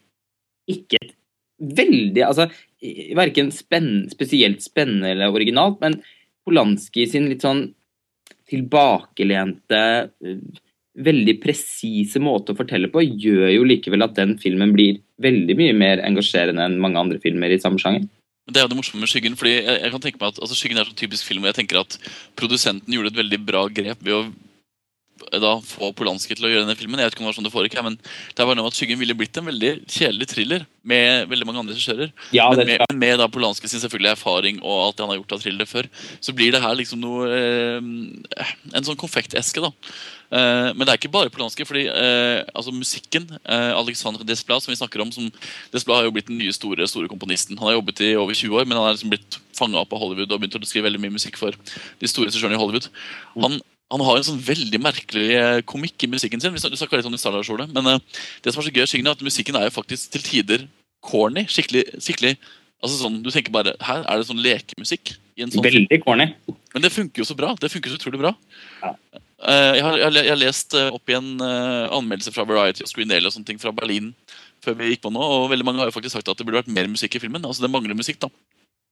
Nei, Det er- det er musikk der nesten hele tiden. Jeg, jeg syns det var veldig mye musikk. Ja, det er veldig, det er veldig mange som kommenterer at Den første timen så er det jo faktisk lite musikk. da Jeg Det men- syns ikke jeg, men det er mange som har kommentert at filmen mangler litt driv. pga. På grunn av at den mangler litt musikk og litt tempo i, i klippen.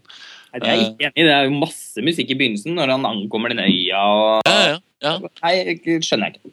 Det er veldig morsomt, men Siste av, av avsnittet i uh, Variety sin anmeldelse av Skjegg i skyggen handler egentlig bare om at musikken At det er for lite musikk. da Jeg vil jo påstå at det er en veldig kløktig bruk av musikk, for at den er veldig ganske vågal til tider i filmen. Uh, Ja. Og den setter en veldig sånn spiss på det, som også er i skuespillet. Altså skuespillet er på at måte Altså det, er, det er Her er egentlig en B-film, vil jeg påstå. Det er veldig mye B-elementer i filmen, spesielt i det ganske litt sånn karikerte skuespillet. Og spesielt i kvinnelige rollene så er det litt sånn derre Ja, ja, absolutt. alt, alltid på kanten. Og musikken er med og gjør det veldig, veldig smart, da, veldig snedig, og det virker veldig bevisst. Og det, det gjør det bare enda mer deilig å se på det. egentlig. Ja, og, og, og så kan man jo også stille seg det spørsmålet Har Polanski, altså med unntak av de mer sånn eh, Ja, med unntak av sånn som pianisten og sånn, da, men har Polanski noensinne egentlig ikke laget en B-film? Nettopp. nettopp. det er jo det han er ufattelig god på. Chinatown til og med kan jo Ja, ja, men virkelig. vurderes som en B-film. Men Men, det er det jo. tvil. ja, men, menn med en så en så voldsom eleganse og, og et sånn raffinement i måten den er laget på, at, at det oppfattes så, Eller at det blir et mesterverk isteden. Jeg, jeg, jeg husker når jeg, når jeg satt meg og så den eh, filmen der, så jeg hadde jo da ikke, Jeg har ikke sett eh, eh, Bare to sekunder, bare skru av telefonen. Det har vi ikke opplevd før. det? Nei, det er faktisk første gang. Jo, sorry. Det var bare telefonen. Nei, altså, jeg har jo ikke sett uh, Shutter Island, men jeg hadde jo samtalen vår fra siste podkast frist i minne. Mhm. Og jeg satt i kinosalen og eh, med en stemning som var akkurat den stemninga jeg hadde forventa å få hvis jeg hadde satt meg ned og sett Shutter Island. Uh, Ut ifra det, det jeg har hørt om den filmen, da. Uh, med altså, eh, B-filmelementer, ikke minst uh, sånn musikk som gjør deg sånn Som er eh, på mange måter umoderne. Og uh, thrillelementer. Det starter med en båttur, eh, og det, du er liksom Mesteparten av handlinga foregår på en øde, forlatt øy. Mm. Hvor det er et det- eh, mysterium og masse ting som skjer på den øya, du vet at du skal utforske masse ting på den øya etter hvert. Og det liksom, jeg satt og følte at jeg på mange måter jeg satt og så Shutter Island uten å Ja, de Det morsomme er jo at det, det, altså, Shutter Island er egentlig mer sånn kiosklitteratur-B-film. da. Altså Det er som kiosklitteraturuniverset med tåke og altså sånn klassisk eh, Litt sånn jeg vet ikke, etterkrigstid eh, kiosklitteraturroman, men skyggen er jo egentlig mer filmatisk. altså Visuelt da, så er det mer en B-film. I forhold til at skuespillet spesielt er litt sånn Av og til så reagerer du litt på skuespillet, så tenker du men eh, var det dårlig? Nei, det var kanskje ikke dårlig, det var bare litt sånn ironisk. Ok, nei, men det funka. Mm. Altså, du, som, du, du, som, som publikum blir veldig du blir helt inn stilt, eh, stilt i ansvar for hvordan du reagerer på ting som skjer i filmen. For at det er, alt er litt på spissen. Litt karikert hele veien. Mm. Mens i, mens i uh, Shutter Island så er det bare Universet er liksom sånn Ja, B. Hele Ja, altså, settingen er liksom B. Men de har forbausende Jeg sitter jo og legger siste hånd på verk på en sånn eh, artikkel som eh, straks kommer på, på montasje. Eh, og, eh, og der nevner jeg begge disse to filmene. Da, og, og de har jo de har forbausende mange likhetstrekk, da, som du sier, Martin. Altså, både dette med øya, at vi begge to foregår på en sånn forblåst, eh, regntung øy. Eh, vi følger to karakterer vel, altså Begge to filmene har et veldig tydelig fokus på hovedkarakteren sin. Vi får på en måte all informasjon i fortellingen får vi gjennom de to. Eh, og begge to eh, når et eller annet punkt hvor de blir veldig forvirret, de blir veldig paranoide. Så, så, eh, så de er jo de er ganske like på noen områder. Og for meg så har de hatt litt sånn samme gledeseffekten da, på kino, fordi at de representerer jo, som jeg sa i stad, en type film som jeg er veldig, veldig glad i og som jeg ikke får så ofte. Men Shutter Island, altså det man, der hvor filmene skiller seg veldig skarpt fra hverandre, er jo nettopp de to regissørene. da, Hvor Martin Scorsese er fryktelig barokk og nærmest sånn ekspresjonistisk. da. I, I Shutter Island så er Roman Polanski mye mer sånn som den, For å bruke den metaforen igjen, da, mye mer sånn mørk sjokolade, klassisk, og litt sånn nøktern. eh, En, et, he- helt, et helt annet lynne da, i skyggen eh, enn i Shutter Island. Ja, For det er veldig sånn Starbucks eh, caffè latte med 100 med krem og sjokolade sånn i Shutter Island. på en måte. I kontrast da til den melkesjokoladen du snakker om. Eh, ja, ikke Det er, eh, det er Men, det er nettopp det. Og Martin Scorsese er, så mye u, er jo så ubehøvlet med referansene på en veldig herlig måte, syns jeg. da. Mm. Men referansene sine også. Han bare kaster det på oss. Og der var Alfred Hitchcock, og der var Douglas Sirk, og oi, der var, var det The Innocence og whoosh, og så man Og til, og til og med Douglas Sirk i en sånn film. Det er jo liksom helt absurd egentlig å tenke på det, men det fungerer Helt også. absurd, men det er veldig, veldig sant. Ja, ja, det fungerer også. Men eh, en annen morsom ting med skyggen vi kan, vi kan eh, eh, snakke litt om, er jo faktisk skuespillerne. Hvis vi går litt mer inn på det konkrete igjen. da. Fordi Jeg, jeg leste ganske mange anmeldelser, og ingen snakker om hun Kim Cattrall. Ja, Det er veldig synd, for hun er jo så ufattelig kul. Hun er, hun er jo den beste i hele filmen, vil jeg påstå. Jeg synes, altså Hun er Olivia Williams, som spiller da kona. Uh, er, er, er veldig solid, men hun er egentlig alltid veldig solid. Men Kim Ja. Cattrall hadde jeg ingen forventninger til. Jeg tenkte bare, ok, Skal de caste Samantha fra Sex og singelliv? Og hun skal Nei. snakke britisk, og hun skal være sekretær? Uh, ok. Men fy søren så bra hun var. Ja, hun, var, hun var ufattelig bra, og jeg har alltid likt henne veldig. og Jeg syns hun er den herligste karakteren i Sex and the City også. Men, jeg, også, men da med en sånn ironisk brodd, da. ikke sant? Ja, men Her- her så er det jo ikke- Men hun, det har hun her òg, da. Ja, ja, hun har, har den i skjørt, og hun går opp og hun har alltid filma undervinkla, så du ser mest mulig av jeg synes hun var veldig ironisk. jeg. Ja, ja, men samtidig så her er det på en måte litt mer Altså her er det liksom litt farligere, da, rett og slett. Jo, det kan jeg også være enig i. Jeg syns nesten hun er en, litt sånn, eh, en, av de, en av de beste polanske karakterene jeg kan huske, faktisk. Og det, jeg synes hun var kjempebra. Mens de mannlige rollene her syns jeg var litt sånn Ja, ok, greit. Altså, Pierce Brosnan har jeg aldri likt uansett, men eh, de funka, da. De var liksom, de var det de skulle være. Jeg syns han var fantastisk kostelig. Jeg, jeg har alltid likt Pierce Brosnan nå, men eh, jeg, jeg syns jo dette var jo på en måte nesten en sånn slags drømmerolle for han, syns jeg. Ja, ja, Som jo, en slesk, treningsgal tullestatsminister. Ja. Jeg var jo også veldig begeistra for ja, eh, obi, altså, omgivelsene, hvor eh, Jeg trodde du skulle si Obi-Wan Kanobi, så tenkte jeg Ja, det, det trodde jeg også. Ja, nei, han øh, var jo morsom, men, men, han- altså, men altså selve, særlig på den øya på det herre det, det huset som han øh, eks-statsministeren bor i. Det herre øh, enorme, nitriste, grå, firkanta Nitriste. Sånn, eh, Å, herregud, det var helt nydelig. ja, det, var, det, var, det var flott, men det var også trist, da. Det var, altså, det var den herre Det var så Jeg, jeg i hvert fall Det var en sånn fin, øh, utrolig god stemning der, for det du står liksom hvor ensomme de her menneskene egentlig var, liksom.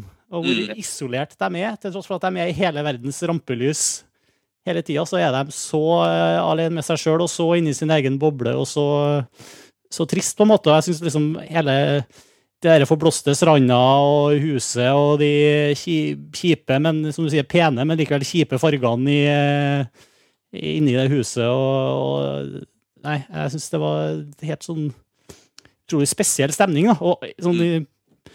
og det var liksom bare en bit av den øya.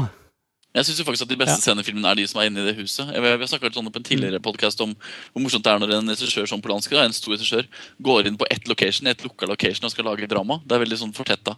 Det er så morsomt også i det huset. altså jeg synes det er virkelig det er utrolig mange interessante scener. Det som Du sier da, du får det veldig karakterinnblikket, og så får du de to etasjene i huset med kontoret nede i første, og så er det oppe i annen etasje er det noen sånne private ting, og så har du den leiligheten ved siden av. Det er så veldig mange univers da, i det huset, og det bruker jo Polanski virkelig til å fortelle en karakterhistorie.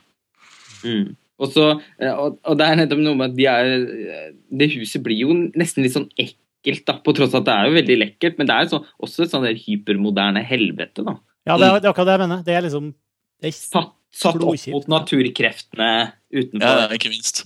Og så har du bare noen kilometer ned utafor gjerdet, så har du liksom den eh, eh, forlatte eh, landsbyen og liksom skrullingen som bor på stranda, og du har liksom alle de herre Det er litt sånn jeg føler at jeg sitter og spiller et sånt dataspill, og spiller Monkey Island og skal liksom utforske denne øya og hoppe fra liksom lokasjon til lokasjon og finne gåt, sånn spor til gåten, liksom. og Ja, men Det er så gøy, Ja. for det, det, jo det gjør at det blir en veldig morsom publikumsopplevelse. Altså, du, du er jo på en måte virkelig med ut i denne Marthas Vineyard-stedet da, som de har laget i, det er vel i Tyskland. Som de har gjort det, fordi Polanski kan jo ikke være, være i USA, så de kunne jo ikke spille den i USA. Men uh, det, er- det er så kult, for du er jo faktisk med på en slags oppdagelsesferd. Mm.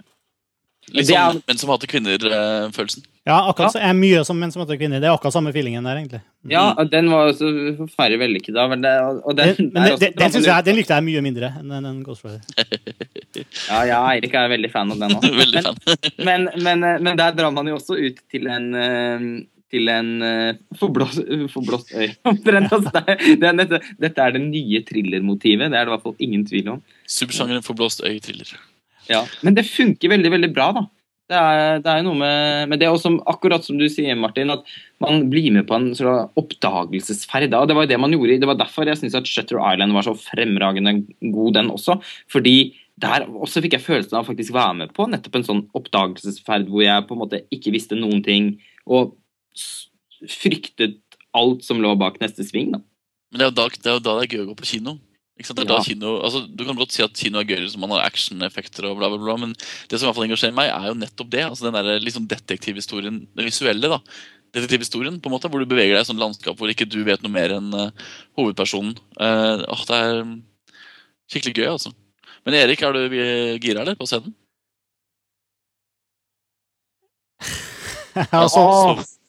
Nei, ikke sånn nå. Jeg måtte scramble for å komme til mute-knappen her, eh, ja, så jeg kan hoste og harke mens dere snakker, og mens jeg lytter. Men eh, jeg er blitt mye mer keen på å se eh, etter dere snakka med noe. Altså. Jeg, jeg, jeg har liksom sett på den som en, eh, som en videoting for meg. Men det er kanskje absolutt verdt å se på kino, da, eller? det er ikke Pelikanrapporten, liksom. Nei. Nei. Ikke pelikaner. Nei. Selv om det kanskje, det, det kanskje ser sånn ut på posteren. Men er vi rett og slett, er vi rett og slett litt litt sånn enige om, om det, faktisk? Eller at dette, er, dette rett og slett er årets så langt beste film? Etter Profeten, da, for mitt vedkommende. Men eh, Ja. ja, som vi jo ikke har snakka om, etter hva jeg kom på nå. Nei, det, om. ja. Det får, det, det får vi spare. Syns du Profeten er bedre enn The Ghostwriter? Ja, ja, ja. Eh, uten tvil, egentlig. Ah, Men det, er, men det er fordi Profeten ligger i liksom et helt annet landskap da, for meg. Um, men altså, uavhengig av det, uh, så er jo Skyggen en utrolig god film. Skyggen er jo, som jeg sa i stad, den følelsen av at nå ser du den thrilleren som du drømmer om å se. da. Når du ser den på kino, så får du den følelsen. Uh, det sier ganske mye, fordi ja, både du og jeg dyrker jo thriller-sjangeren. Mm. Um, Ja, det, det, det er som du sier, det er det derre Nest, altså det høres jo latterlig ut, spesielt med tanke på uh, at, at jeg er såpass ung. Men jeg får nesten en sånn slags nostalgi, da. ja, men sånn at det, Åh, så godt å se. Jeg har også lurt på det der, hvor gammel man kan være før man kan tillate seg å være nostalgisk. Men Ja. eh, ja. Ikke noe klart svar. Det er lov nå. Ja, uansett, vi anbefaler i hvert fall uh, tydelig enstemming her, uh, oss som har sett Ghostwriter. Det er en film som er langt, langt bedre enn den kanskje skal se ut som. Som eh, man er verdt absolutt en, eh, en kinofilm. Ja. Som man ikke bør, ikke bør nøle med å gå og se. Kan jeg helt på tampen eh, ta et par sånne anbefalingsting før det er vel konkurransetid òg? Yes. Skyt inn et Eh, par anbefalinger. Ja, det, er bare, det slo meg nemlig at jeg fikk et tips av en filmfrelslytter eh, via Twitter, som heter Bjørnar, om eh, noen podkaster som er veldig kule. Det blir veldig hopp i temaet her, men jeg ville bare ha sagt det, for det var veldig bra. En britisk podkast som heter Mondo Movie, som eh, hovedsakelig handler om sjangerfilm, men den er veldig proff og, og veldig interessant. Jeg er ikke noen sånn utprega nerd på på veldig mye obskur eh, film og sånne ting, men de her er- har en veldig fin balanse mellom å hente fram både klassiske filmer innenfor mange sjangre og, og snakke om nye ting. Eh, Mondo Movie heter den. Og så en annen som heter The Hollywood Saloon, som er mer sånn tema eh, ja, tema alt. Eh, De, eh, jeg hørte en episode hvor de snakka om eh, fenomenet med såkalte ja, Det er ikke noe godt norsk ord for det, men expanded universes. Altså når man tar en filmhistorie eller filmmiljø eh, eller filmunivers og bretter det ut i andre medier enn enn den filmen det kommer fra. Altså, klassiske eksempler er Star Wars, selvfølgelig, som har masse bøker og andre sånne spin-off-ting. Men eh, kjempeinteressant, eh, lang podkast om, om hvordan eh, gjennom filmhistorien sånne expanded universes har vært brukt i, altså, i forhold til både for å melke fenomener kommersielt, men også for å, for å fortelle mer fra, ut fra enkeltfilmer. Kjempebra. Hollywood Saloon. Kjempebra. Jeg er alltid klar for nye podkaster. i hvert fall. Vi må finne linkene til dem her og så legge dem ut på, eh, på, si, på, i artikkelen for eh, episoden her. Det var det som var tanken. Mm. Vi skal også legge ut musikken, link til Spotify-musikken. Alexander vi. I skyggen. Nå snakker jeg veldig kaotisk. Vi skal legge ut link til Spotify til Alexander Espelad sin musikk i skyggen. Ja, alle skjønte hva jeg mente. Hyggelig. Så folk finner den. Yes, ja. Så må noen finne ut om det fins et norsk ord for ghostwriter. Ja, jeg syns liksom skyggeforfatter, altså skyggen, jeg synes det var ikke så verst. Ja, skyggeforfatter er det jeg tenker også. Det kunne vært Det er jo en- sånt uh, gjengående sånn, uh, sitat fra filmen, liksom uh, Who are you? I'm your ghost. Mm. Mm. Ja, ok. Greit. Eh, konkurranse, ja. Eh, vi har jo en uh, Gjett filmkonkurranse her på Filmfrelst. Vi spiller et videoklipp Nei, ja, vi spiller lyden fra et videoklipp. Og det er opp til dere som hører på, å uh, gjette hvilken film det klippet tilhører. Forrige uke spilte vi følgende klipp. Why does the writer use these lines? Because he's in a hurry. No. Ding! Thanks for playing anyway. Because we are food for worms, lads. Because believe it or not, each and every one of us in this room is one day going to stop breathing, turn cold, and die. Det var klippet. Uh, flere som gjetta riktig her. Det var selvfølgelig en inspirert scene fra Dead Poets Society fra 1989. Peter eh, Weir-film. Uh, og en av de som gjetta riktig, var Henrik Høiberg Aure i Bergen. gratulerer, Henrik. En uh, montasje-T-skjorte på vei til deg i posten. Og det er en ny vinnersjanse i episoden her. Vi spiller et uh, nytt klipp, så det er bare å høre nøye etter og høre om dere klarer å dra kjensel på den filmen her. Do you think you're the only one that's suffered? We've all been through it in here. But we haven't given up. We're still human beings. Dignity. It's you. You're out there with the garbage. You're nothing.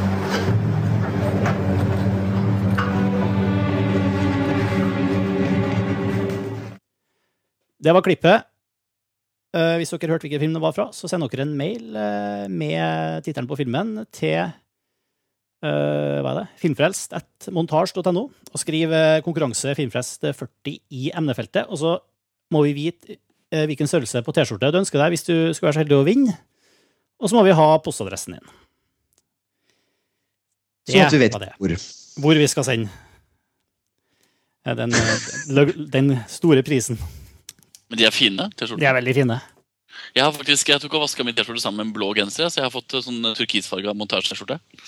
Eksklusiv. Hvis noen vil sånn kjøpe den, da. Zizou-style. Jeg, jeg, jeg selger den for å få ekstra penger til eh, kortfilmen min, så det er bare å by. Eller så kan vi som en sånn eh, Som en slags avslutning, så bør det kanskje nevnes da at eh, Pål Bang-Hansen ble jo bisatt i dag. Ja, det var bra du sier. Så han bør jo minnes. Han, han vil bli savna. Ja. Han vil bli veldig savna. En mer eh, karismatisk eh, karakter har vi vel kanskje aldri hatt i norsk film. Nei. Så, og jeg var jo så utrolig heldig eh, ved en tilfeldighet eh, da jeg var i, på, i Berlin i februar, når det var filmfestival i Berlin. Så jeg og noen venner av meg helt tilfeldig var på dette Rankersvei, som, som vi aldri hadde hørt om før, men som viste seg å være stamstedet til eh, Pål Bang-Hansen og Per Haddal. Og de satt og hadde, var i et middagsselskap der, og så fikk de med seg at vi var norske, og at vi var filmvitenskapsstudenter. Og da kom de bort til oss når de var ferdig med middagen, og satt og drakk øl og vin med oss resten av kvelden. Og det var jo da bare tre uker før eh, Pål Bang-Hansen døde, så det er jo veldig spesielt. Oi. Det var en uh, veldig, veldig hyggelig kveld. Og Han var uh, Han var en ut, fryktelig morsom fyr som nesten var sjokkerende lik parodien av seg selv. Mm -hmm. Så morsomt. Altså, uh, han, han hadde knust det ene brilleglasset. Vi hadde gått på en vegg, så, og så brillene var helt skeive, og han uh, var Og han var på en måte eh, Nei! Helt fantastisk! Helt forferdelig! Han var, så, han var veldig utrolig kvass og skarp da i meningsytringene sine, akkurat sånn som man kjenner han fra, fra TV. Så det var veldig morsomt. Men uh, han hadde et veldig sånn glimt i øyet og var, uh, han var en veldig morsom fyr. Mm. Veldig viktig mann for norsk film. Veldig viktig mann for, for norsk film. Med det hyllest til Pål Bang-Hansen tror jeg vi runder av denne episoden av eh, Filmfrelst. Eh, Vi er tilbake om eh, kun få uker. Eh, Takk til alle sammen. Takk, takk. Takk, takk. Takk, takk. For- Takk til alle som hører på. Sjekk oss ut på montasj, og sjekk filmen til Erik på ninetroppen.montasj.no og, og så videre. Vi høres. Hei så lenge. Ha det bra. Ha det. Filmfrelst er en podkast fra det norske finnettstedet montasj.no. Du kan abonnere på Filmfrelst i iTunes, og du kan lese mer og delta i diskusjonene om hver enkelt episode på montasj.no slash filmfrelst.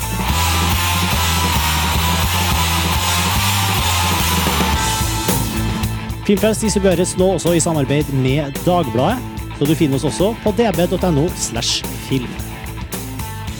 Og musikken du hører nå, er fra det norske bandet Ping. Hør mer på thepingpage.com.